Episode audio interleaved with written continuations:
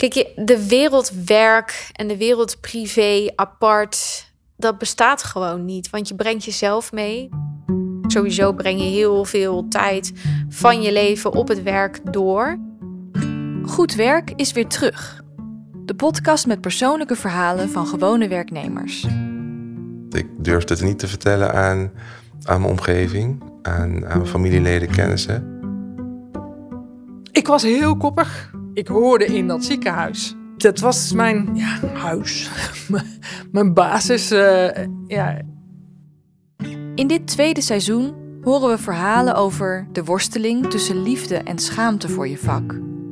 Over de zoektocht of er wel ruimte is voor jou in de top van het bedrijfsleven. En over pestgedrag op kantoor. subtiele dingen waren het ook. Z- zelfs nu vind ik het best spannend om hier te zeggen dat dit pesterijen zijn of waren.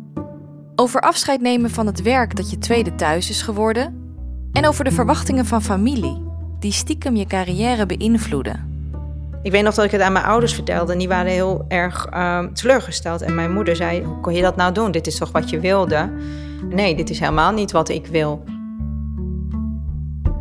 Goed Werk is een podcast van Iris. Luister de nieuwe en oude afleveringen via je favoriete podcast-app.